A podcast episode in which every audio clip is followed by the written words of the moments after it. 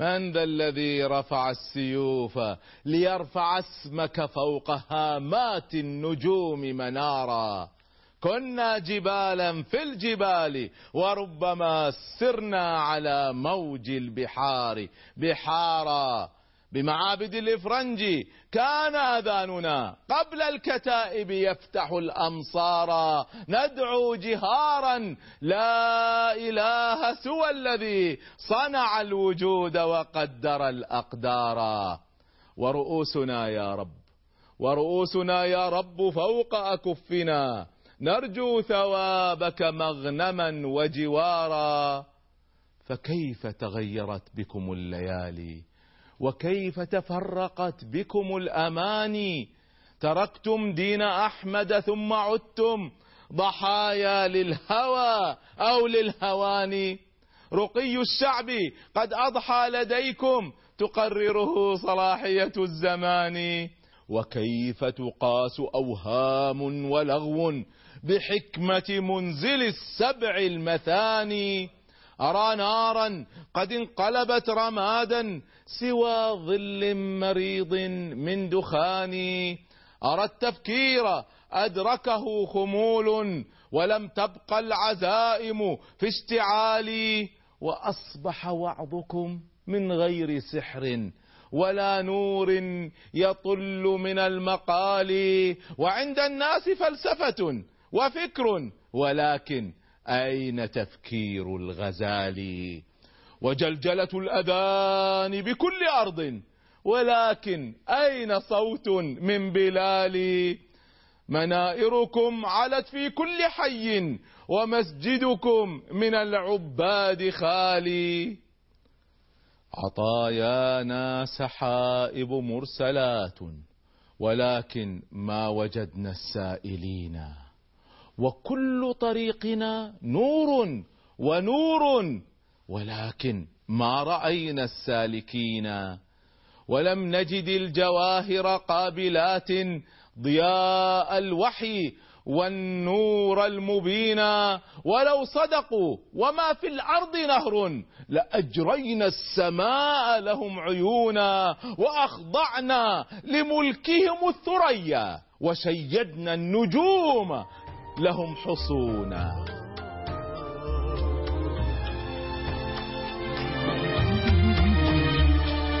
إذا ما طمحت إلى غاية ركبت المنى ونسيت الحذر. ومن لا يحب صعود الجبال يعيش أبد الدهر بين الحفر ومن لم يعانقه شوق الحياة تبخر في جوها واندثر. كذلك قالت لي الكائنات وحدثني روحها المستقر.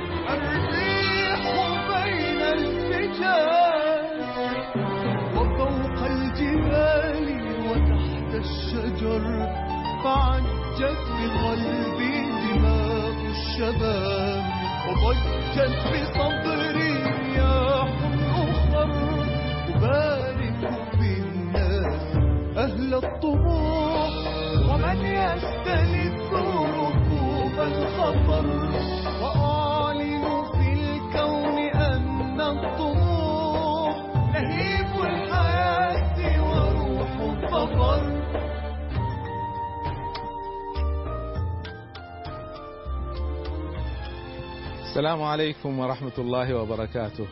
أهلا بكم ومرحبا مع علمتني الحياة. علمتني الحياة خلاصة تجارب وخلاصة تعلم خلاصة نجاح وفشل خلاصة حياة. أحاول أن أنقلها بالذات لجيل الشباب. وفي حلقات منوعة. وحلقتنا اليوم ستكون عن موضوع بالنسبة لي من أهم مواضيع حياتي وما أعلم للحياة. موضوع علو الهمة. كم يزعجني ما أراه من تدني الهمة عند الناس وبالذات عند الشباب اللي مفروض فيهم يكونوا هم نموذج الحماس والعطاء والهمة. هذا الموضوع شغلني كثيرا. ويشغلني عندما أمر على الناس وأراهم مشغولين في تفاهات الأمور. كما يقول الإمام الشافعي إني لأبغض الرجل. أراه مشغولا في أمر لا ينفعه في دينه ولا ينفعه في دنياه. حتى همة لأجل الدنيا ما في. أي تكاسل؟ أي ضعف؟ أي تواكل هذا؟ دعوني أتحدث عن الفرق بين التوكل والتواكل. الفرق هو ليس حرف الألف الذي في الوسط فقط. الفرق أعظم وأكبر من هذا بكثير. التوكل على الله عز وجل حق التوكل هو أن الإنسان يبذل كل الجهد وبأعلى درجات الإتقان لكنه لا يعتمد لا على ذكائه ولا على تخطيطه ولا على فريقه وإنما يعتمد على الله عز وجل. وما النصر إلا من عند الله. أما التواكل فهو أن يجلس لا يفعل شيئا. وينتظر النصر من الله. لا يبذل جهدا وينتظر الرزق من الله. كما قال الشاعر إسلامنا لا يستقيم عموده بدعاء شيخ في زوايا المسجد. إسلامنا لا يستقيم عموده بقصائد تتلى بمدح محمد. إسلامنا نور يضيء طريقنا. إسلامنا نار على من يعتدي. ليس بالدعاء وإن كان لا شك أن الدعاء له فضل ومكانة. وإن كان أمر يغير القضاء فهو الدعاء. وليس بالقصائد التي تتلى بمدح محمد صلى الله عليه وسلم والموالد التي تقام لأجله وإنما هذا كله مطلوب في في فضله ومدحه صلى الله عليه وسلم. لكن مع هذا نحتاج إلى جهاد إلى بذل إلى عطاء إلى إتقان إلى علو همة. رأى عمر بن الخطاب رضي الله عنه رجلا مطأطئ الرأس. يمشي شاب يمشي منزل راسه مطأطئ الرأس. فنزل على رأسه بالدرة وقال ارفع رأسك فإن الإسلام ليس بمرض. بعض الناس كأن الإسلام مرض. أنا سامحوني على الجرأة. في بعض الشباب صاحب همة وانفتاح وذكاء بس يتدين سامحوني يصير أهبل. ليش؟ ليش؟ هذا الإسلام دين حي. رأى رجلا متماوتا فنزل عليه بالعصا أيضا وقال لا تمت علينا ديننا أماتك الله. ديننا ما هو دين ميت. الشفاء بنت عبد الله التابعية الجليلة التقت مع عدد كبير من أصحاب النبي صلى الله عليه وآله وسلم. تحدث هي وعلى فكرة الشفاء بنت عبد الله عينها عمر بن الخطاب وزير التجارة كانت هي المسؤولة عن الأسواق. فالشفاء بنت عبد الله في يوم من الأيام رأت مجموعة من الناس يمشون الهوينة شوي شوي يلبسون المرقع من الثياب. يأكلون القليل من الطعام ويتكلمون بصوت خافت. يتهامسون بين صوت خافت. مثل بعض الشباب يجي يسلم علي السلام عليكم يا أخي. هذا دين هذا.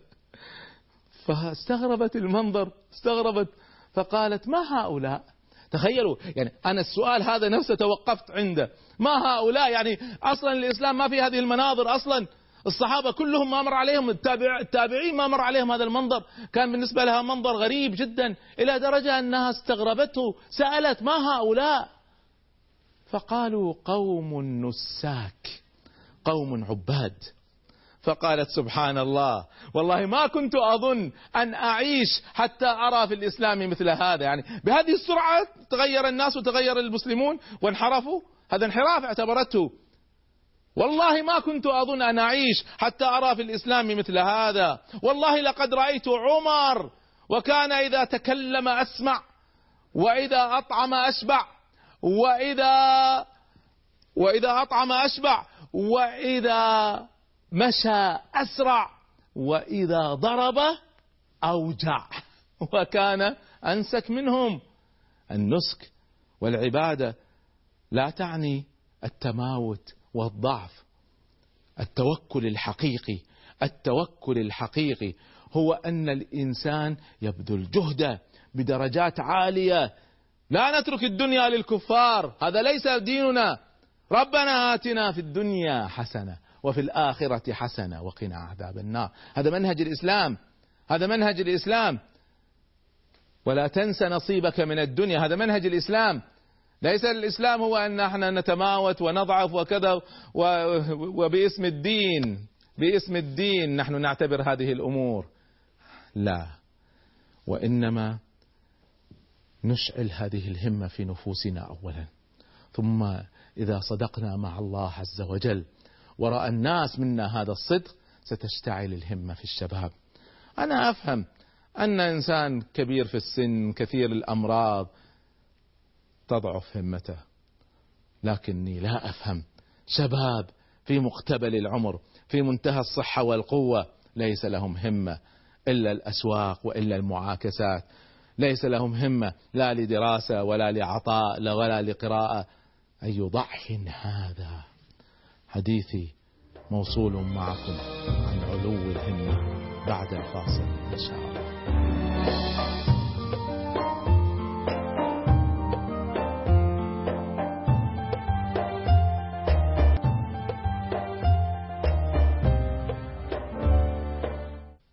أهلا بكم ومرحبا مع علمتني الحياة. وحديثنا في هذه الحلقة عن علو الهمة.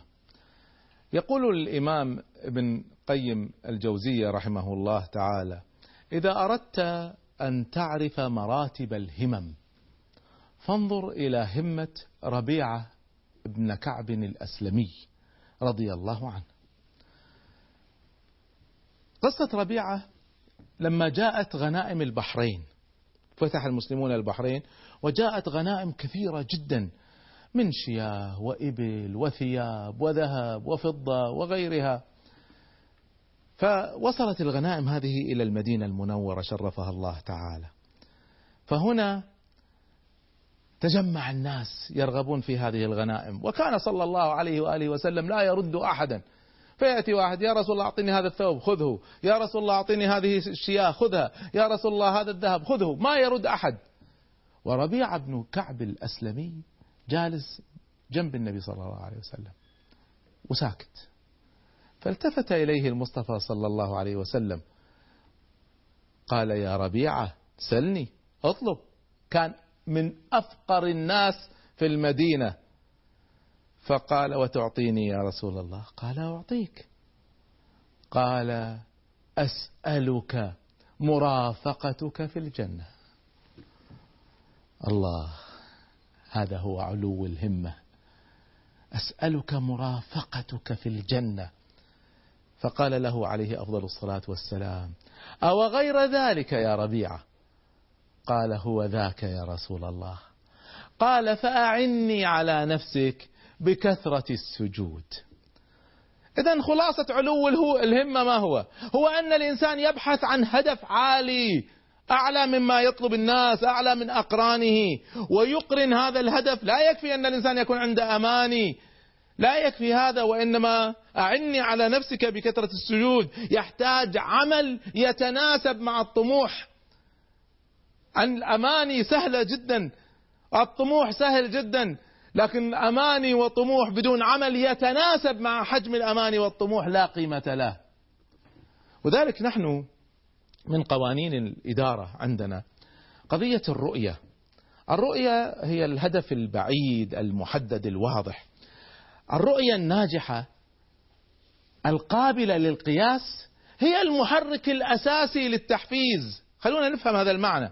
دعوني أشرح هذا المعنى بقصة باستشهاد علمي. جامعة هارفارد عملت تجربة عجيبة جدا. جابت مجموعتين من جابت مجموعة من الشباب والفتيات اللي في السنة الأخيرة من الدراسة. خلاص على وشك أن يتخرجوا.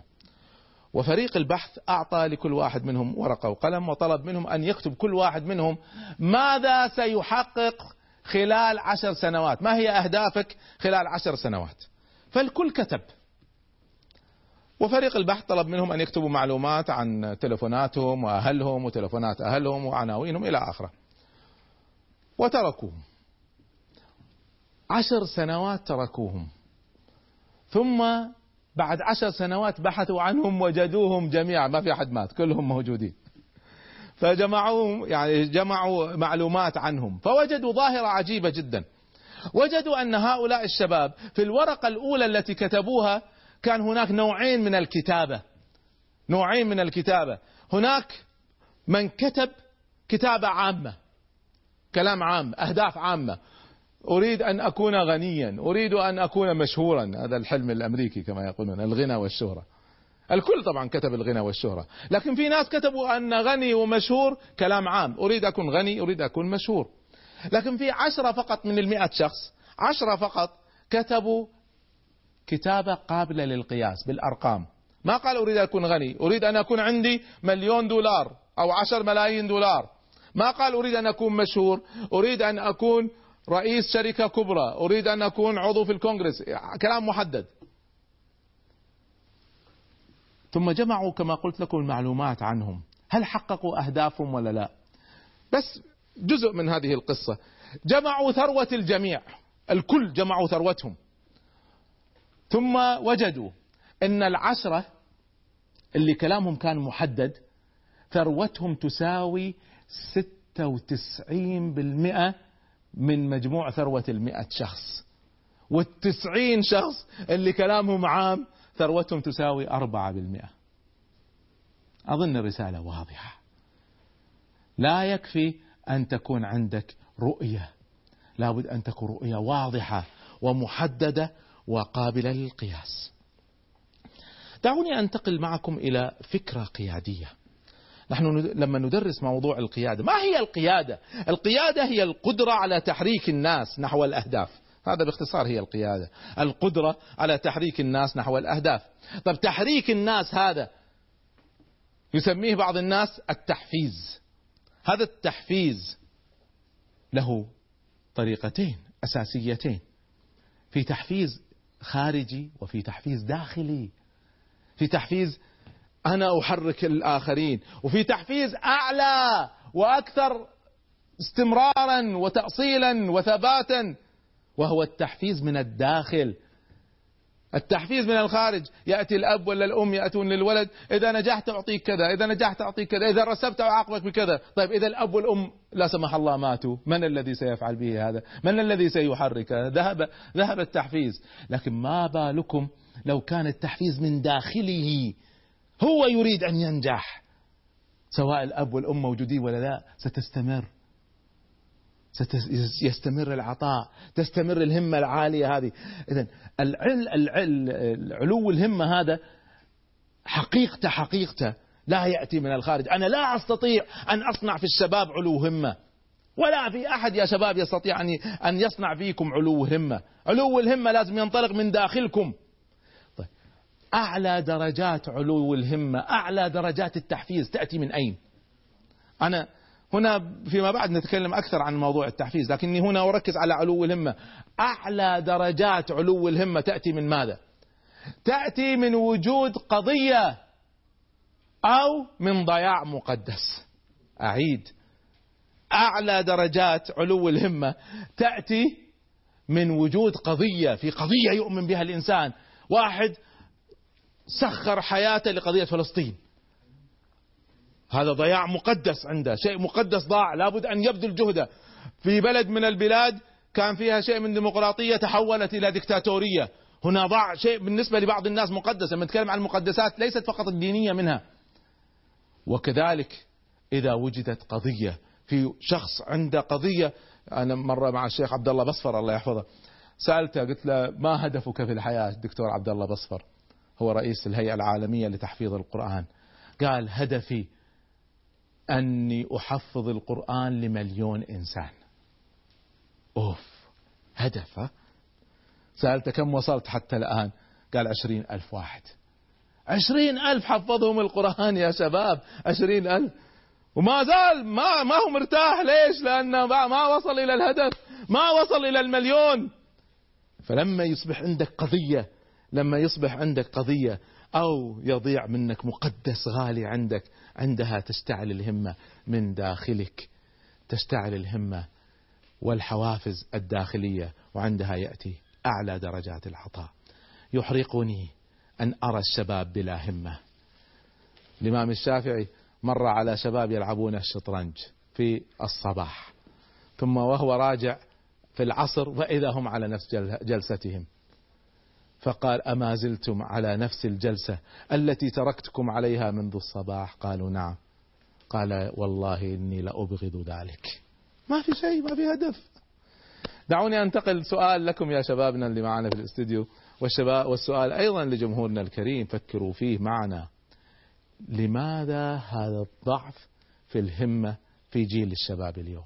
أسمع منكم. أنتم جيل الشباب تعرفون. تفضل محمد. حياك محمد ما السبب في ظنك إن عدم وضوح هدف نعم. والتسويف في تسويف أنت أضفت معنى مهم تسويف اشرح لي في تحقيق. هذا الهدف يعني يسوف يتأ- يؤخر يؤخر. هذا؟ الهدف. ليش مستعجلين ها؟ أنا آه، لما أشوف السيارات منطلقه الصبح والناس متزاحمة أقول للي جنبي أقول له مستعجلين عشان يروح يوقعوا على الحضور عشان يجل- يجلس- يجلسوا يقرأوا جرايد يشربوا شاي نعم التسويف هذا من الأسباب.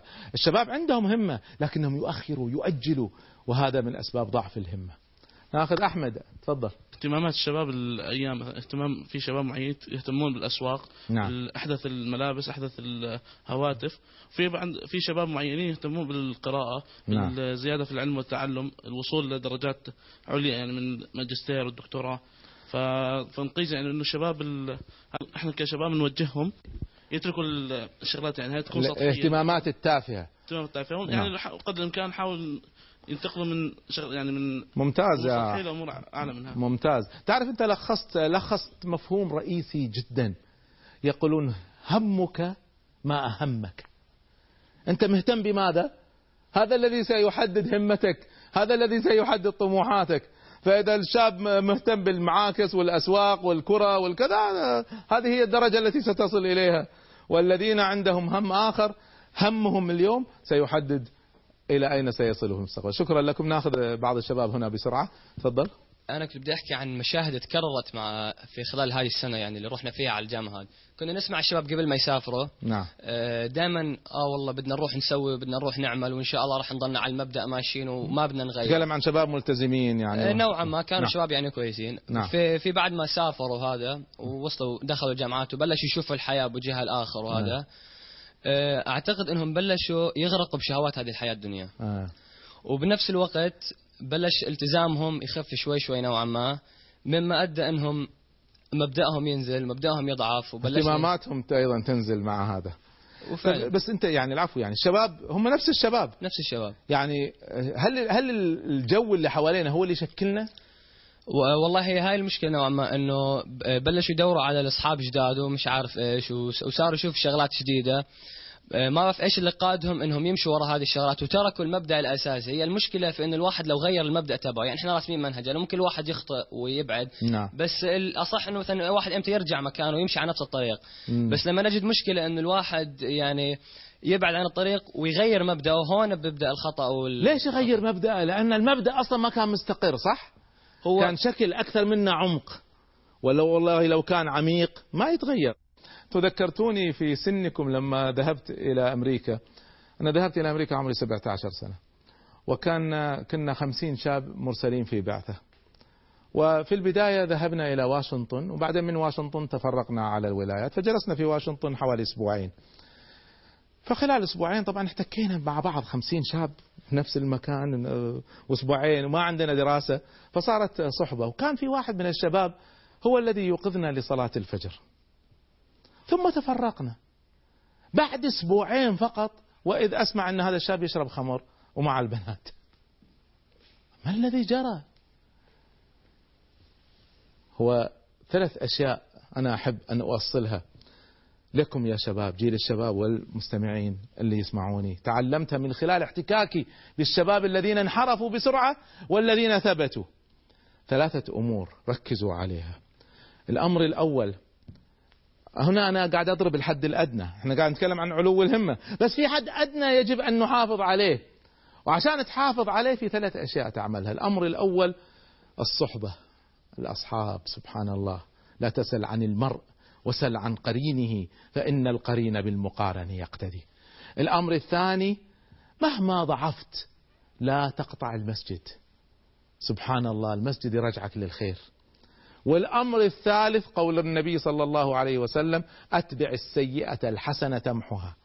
إذا هي المعاصي تجر إلى مزيد من المعاصي. لكن إذا تذكر الإنسان هذا عملت معصية؟ قل بعدها أستغفر الله. هذا هذه حسنة ستمسحها. قانون احفظوه. إذا الحسنة جاءت فورا بعد السيئة فورا تمسحها. أما إذا السيئة حدثت ثم تركنا فاصل ثم جاءت الحسنة ما تمسحها. هذه تبقى وهذه تبقى. لكن أتبعها فورا. عملت ذنب صلي ركعتين. عمل ذنب تصدق بمبلغ بسيط. عمل ذنب اذكر الله عز وجل. أي شيء أي شيء تعمله فورا بعد الذنب يمسحه. فيغلق باب الشيطان. هكذا نحافظ على الحد الأدنى.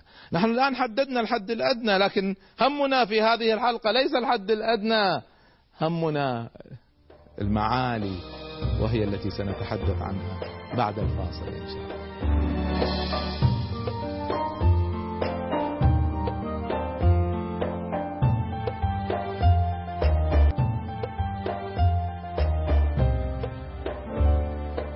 أرحب بكم مرة أخرى مع علمتني الحياة ونحن نتحدث عن علو الهمة.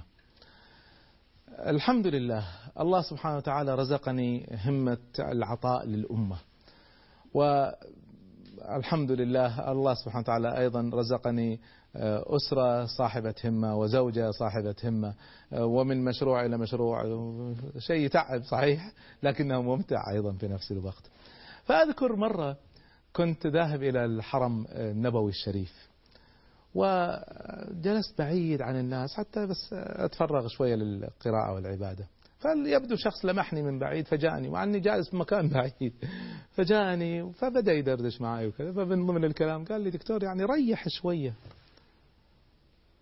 أنا أزعجتني هذه الكلمة. يعني بدل ما يوصيني بمزيد من العطاء للأمة قاعد يقول لي ريح شوية. فسألته سؤال. قلت له يا أخي الكريم أعداء الأمة هل ارتاحوا؟ هل ماخذين فترة راحة؟ قال لي لا. قلت له كيف نرتاح؟ كيف نرتاح؟ الذي حرك عندي هذه الهمة مجموعة من القصص والأحاديث النبوية الشريفة لكن طبعا أعلى شيء كانت سيرة المصطفى عليه أفضل الصلاة والسلام. وكيف كان يحرك الهمم عند أصحابه؟ في الحديث النبي صلى الله عليه وسلم يقول للصحابة الكرام أيعجز أحدكم أن يكون مثل عجوز بني إسرائيل؟ تكلم مع شباب طبعا جيل الصحابة كلهم شباب كان أكبر واحد فيهم النبي صلى الله عليه وسلم باقين كلهم شباب. فيسألهم يقول أيعجز أحدكم أن يكون مثل عجوز بني إسرائيل؟ قالوا يا رسول الله وما قصة عجوز بني إسرائيل؟ قصة عجوز بني إسرائيل ألخصها لكم. أنه تعرفون طبعا لما موسى عليه السلام جاء بالمعجزات المتتالية لإخراج بني إسرائيل من مصر إلى فلسطين. وفرعون رافض رافض رافض في الأخير تحت الضغط المعجزات وافق. فبدأ بنو إسرائيل يستعدوا للخروج. طبعا ما يعرفون الطريق. ما فيهم أحد سافر بهذا الطريق. فيعرفون الاتجاه العام. فمشوا فضاعوا. في الطريق ضاعوا. فلما ضاعوا بدأ موسى عليه السلام يسأل يعني أعلم الناس وعلماء بني إسرائيل ماذا عندكم في هذا؟ قالوا نحن ضعنا في ظننا لسبب. قالوا ما هو؟ قال نحن عندنا النبوءات أننا سنخرج من مصر وعندنا مخلص يخلصنا من مصر لكن في نبوءاتنا أننا لا نخرج من مصر إلا ومعنا رفات يوسف عليه السلام. فأنتم تعرفون يوسف عليه السلام مات في مصر ودفن في مصر. فالآن بنو إسرائيل قوم يوسف عليه السلام سيخرجوا من مصر فلا بد أن يأخذوا جثة يوسف عليه السلام معهم وهم ليس معهم جثة يوسف. فقال وأين رفات يوسف؟ أين مكان قبر يوسف قالوا لا يعرفه أحد منا. هذا سر. ما بقى هذا السر إلا عند واحدة عجوز. هي التي تعرف مكان قبر يوسف. فذهب إليها موسى عليه السلام. قال أين قبر يوسف؟ قالت ما أخبرك إلا بشرط. قالت ما قال ما شرطك؟ قالت شرطي أن أكون معك في الجنة. عجيب أي همة هذا أكون معك في الجنة هذا شرطي. قال هذا ليس لي هذا لله. قالت ما أدلك ولا تخرجوا من فلسطين إلا بهذا الشرط. فذهب يوسف هذا في البخاري الحديث. فذهب موسى عليه السلام يسأل الله عز وجل يسأل الله عز وجل. طلبت مني شرط ليس بيدي. فنزل جبريل عليه السلام فقال أعطها ما طلبت. الله الله. أخذت الجنة مع نبي. أي همة هذه؟ فدلتهم على بحيرة صغيرة فقالت نشفوها من الماء فنشفوها فقالت قبر يوسف تحتها. من يخطر في باله هذا؟ فحفروا فوجدوه جثته لم تتغير. الأرض لا تأكل جثث الأنبياء. فحملوها معهم إلى فلسطين ودفنوها هناك. لكن المعنى هنا هو الهمة. الهمة الإنسان ممكن يطلب والله مرة واحد من الشباب أنا أسأله أقول له يا ابني ما هي أهدافك في الحياة؟ ما هي طموحاتك؟ قال والله دكتور إن شاء الله راح أدخل الجامعة. قلت له إيه تمام. وبعدين؟ قال وإن شاء الله أتخرج. قلت له تمام. وبعدين؟ قال وإن شاء الله أتزوج. قلت له إيه تمام. وبعدين؟ قال بس دكتور إيش تبي؟ يعني بالنسبة له هذه هي الهمة يعني. الهمة والطموح هو هذا أنه يعمل هذه الأشياء. ما حتى الطموح حتى الأهداف ما عنده. يا شباب كونوا أصحاب همة. اقتدوا بعمر بن عبد العزيز. انظروا إلى همة عمر بن عبد العزيز رضي الله عنه. يقول عمر رضي الله عنه إن لي نفسا تواقة. كلما وصلت إلى أمر تاقت إلى ما هو أعلى منه. تاقت نفسي أن أتزوج فاطمة بنت عبد الملك. فاطمة تكون بنت عمة. فاطمة بنت عبد الملك. هو عمر بن عبد العزيز بن مروان وهي فاطمة بنت عبد الملك بن مروان. فهي بنت عمة. لكن هو لم يرغب فيها لأنها بنت عمة فقط وإنما كانت تقية جميلة شاعرة حافظة للقرآن عالمة محرم لسبعة من الخلفاء. أبوها وجدها وزوجها وأربعة من إخوانها كلهم خلفاء وليس هذا لأحد إلا لفاطمة بنت عبد الملك. فكيف ما يتمناها؟ فتمناها يقول فتزوجتها. ثم إن نفسي تاقت إلى الإمارة أريد أكون أمير. فصرت أميرا على المدينة. ثم إن نفسي تاقت إلى الخلافة فها أنا خليفة المسلمين وأمير المؤمنين. وإن نفسي اليوم قد تاقت إلى الجنة. ولذلك كل الخلافة لم تشغله كما تعرفون في سيرته. وانطلق نحو الجنة. سخر الخلافة كلها للجنة. عجيب هذا الأمر. هنا في قصة عمر بن عبد العزيز معنى مهم. يا شباب لا يكفي أن يكون عندكم طموح واحد والله من الشباب أسأله أقول له أنت ما هو هدفك؟ قال تحرير فلسطين. قلت له كيف ستصل إليه؟ قال والله ما أدري. ما يصير. ما يكفي تحط لك هدف بعيد. حط لك أهداف مرحلية في اتجاه هذا الهدف البعيد.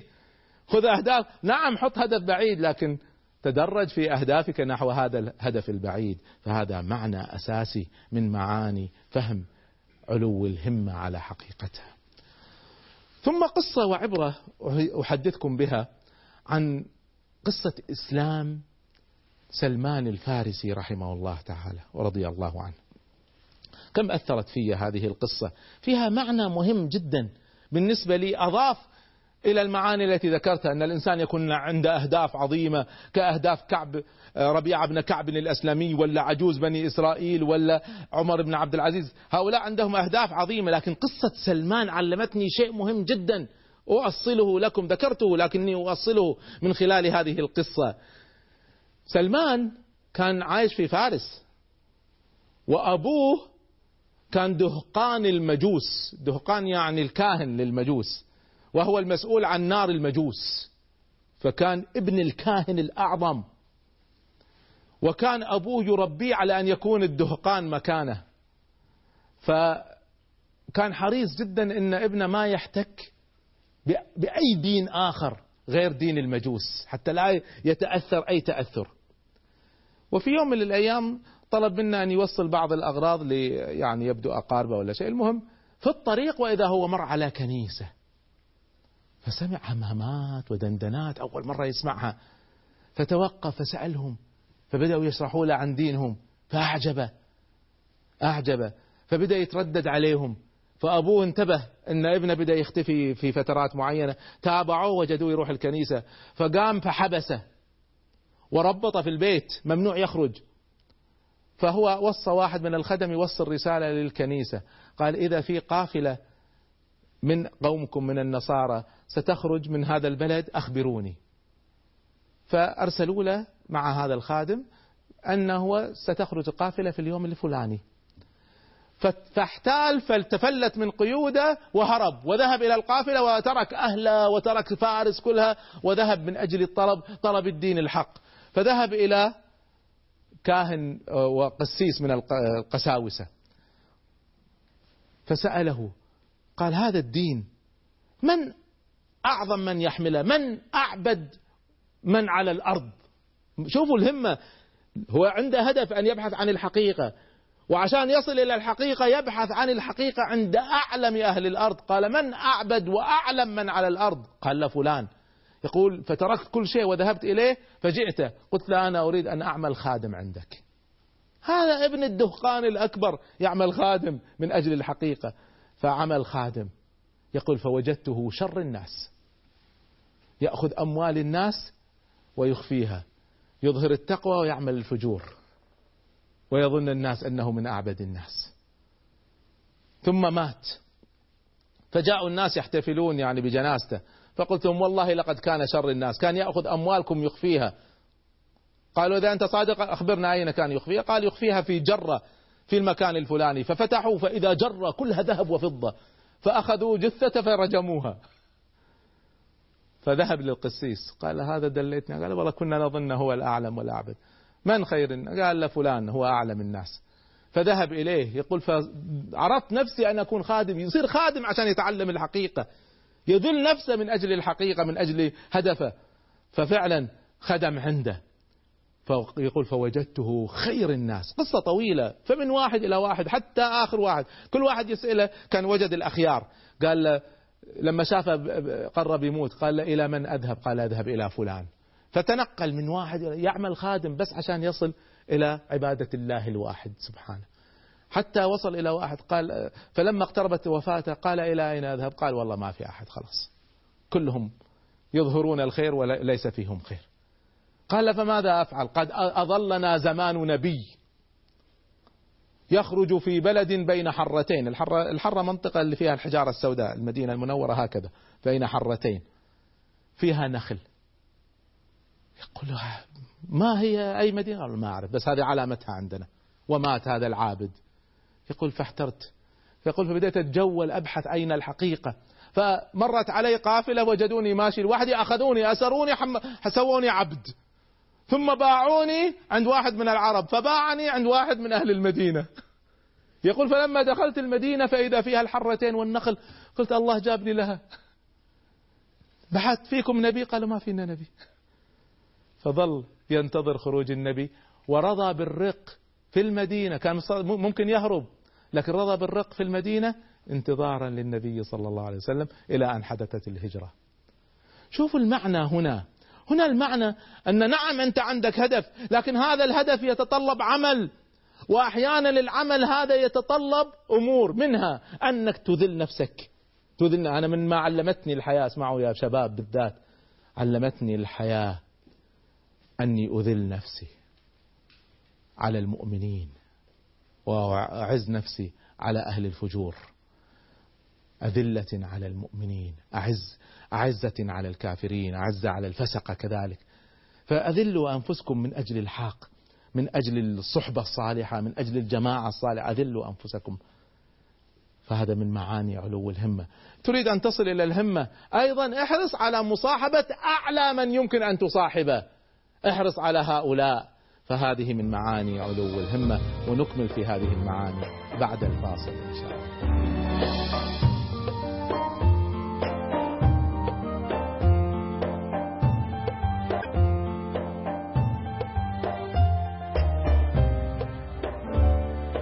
أهلا بكم مرة أخرى مع علمتني الحياة ونحن مع حلقة علو الهمة. أذكر أني كنت في إحدى دوراتي أتكلم عن قضية الهمة وعلو الهمة و... وأتكلم عن الناس اللي يعني يميلوا إلى الراحة والدعة وما يعملوا شيء. فقامت لي بنت آه، في العشرين من عمرها تقريبا. فقالت دكتور أنا ما أبي أتعب نفسي. أنا أعتقد أن السعادة هي في الراحة. عجيب. وذكرني هذا أيضا بواحد مرة كاتب أنه تريد تكون سعيد؟ أحسن شيء عشان تكون سعيد روح إلى مكان على البحر وتمدد على البحر ولا تفكر بأي شيء. يا سلام. هذه هي السعادة عنده عجيب. فقلت لها يا بنتي وأقول لهذا الذي كتب وأقول لكم يا شباب. ما تعرفون أن السعادة الحقيقية هي ليست في الراحة. الفلاسفة اختلفوا على كل شيء. كل شيء حتى على الله سبحانه وتعالى اختلفوا. لكنهم لم يختلفوا. هذه أعلى عقول البشر. لم يختلفوا على أن أعلى درجات السعادة تأتي من العطاء وليس من الآخذ. تأتي من العطاء وليس من الراحة. وذلك كان جوابي لبنت لبنتنا الكريمة هذه. قلت لها يا بنتي أنت تتمنين السعادة في الراحة. لكنك لا تعرفين حقيقة السعادة. أنا لما أتعب أربع سنين على إصدار كتاب ثم عندما تأتي النسخة الأولى من المطبعة فيضعوها بين يدي وأحمد الله سبحانه وتعالى عليها. كل التعب هذا يزول ويتحول إلى سعادة.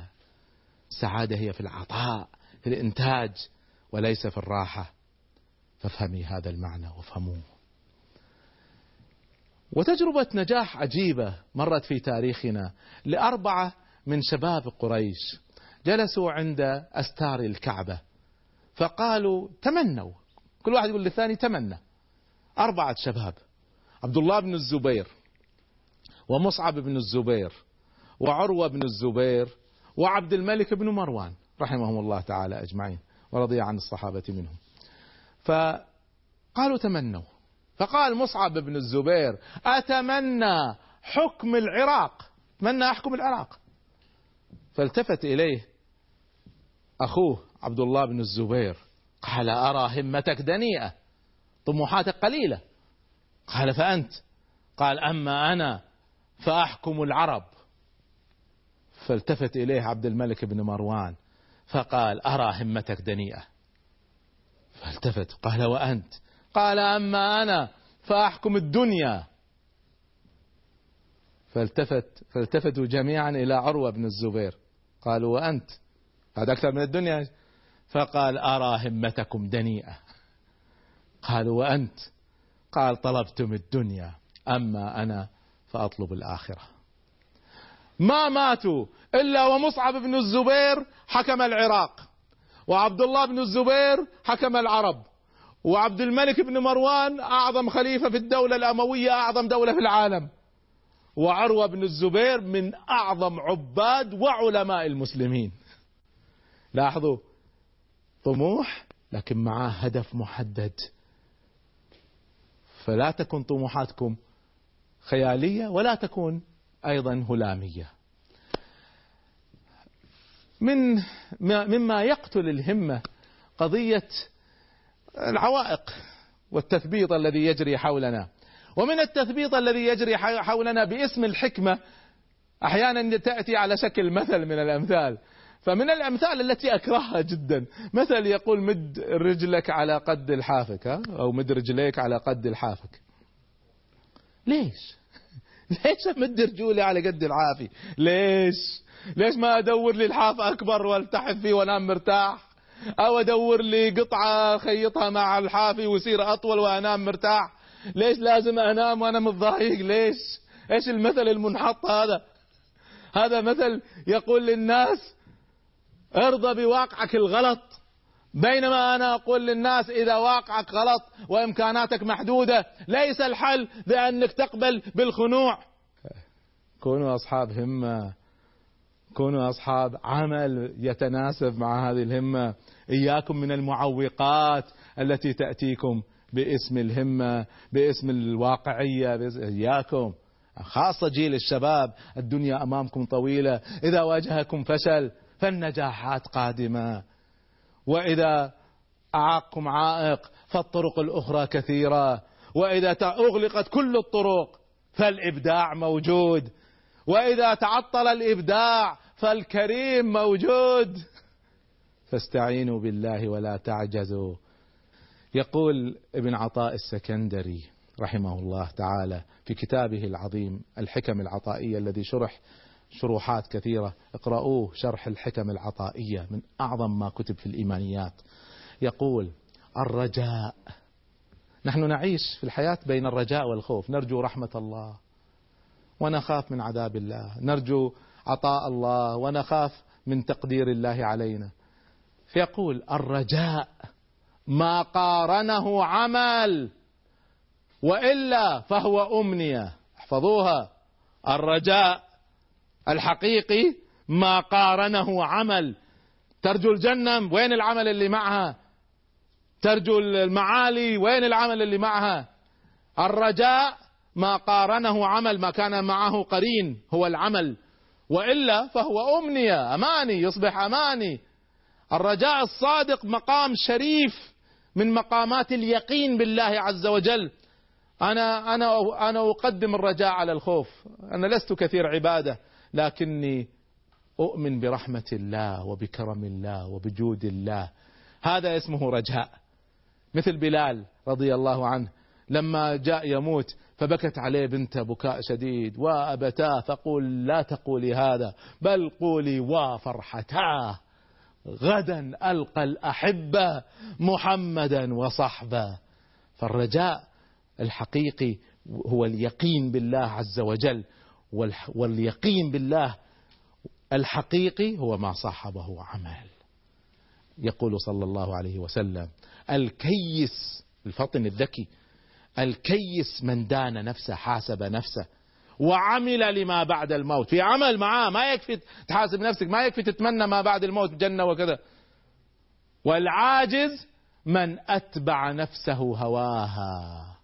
يمشي حسب هوى النفس ثم تمنى على الله الأماني أمنيتنا بالجنة أمنيتنا برفعة الأمة أمنيتنا بتحرير فلسطين. رجاؤنا بالله عالي لكنها تحتاج معنا يا شباب إلى عمل جاد مخلص لله عز وجل. أتمنى أن تكونوا استفدتم واستمتعتم من علمتني الحياة. إلى حلقة قادمة إن شاء الله. أستودعكم الله. والسلام عليكم. ورحمة الله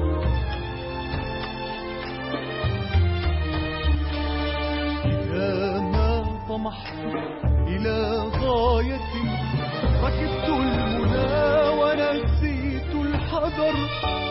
ومن لا يحب صعود الجبال يعيش أبد الدهر بين الحفر. ومن لم يعانقه شوق الحياة تبخر في جوها واندثر. كذلك قالت الكائنات وحدثني روحها المستقر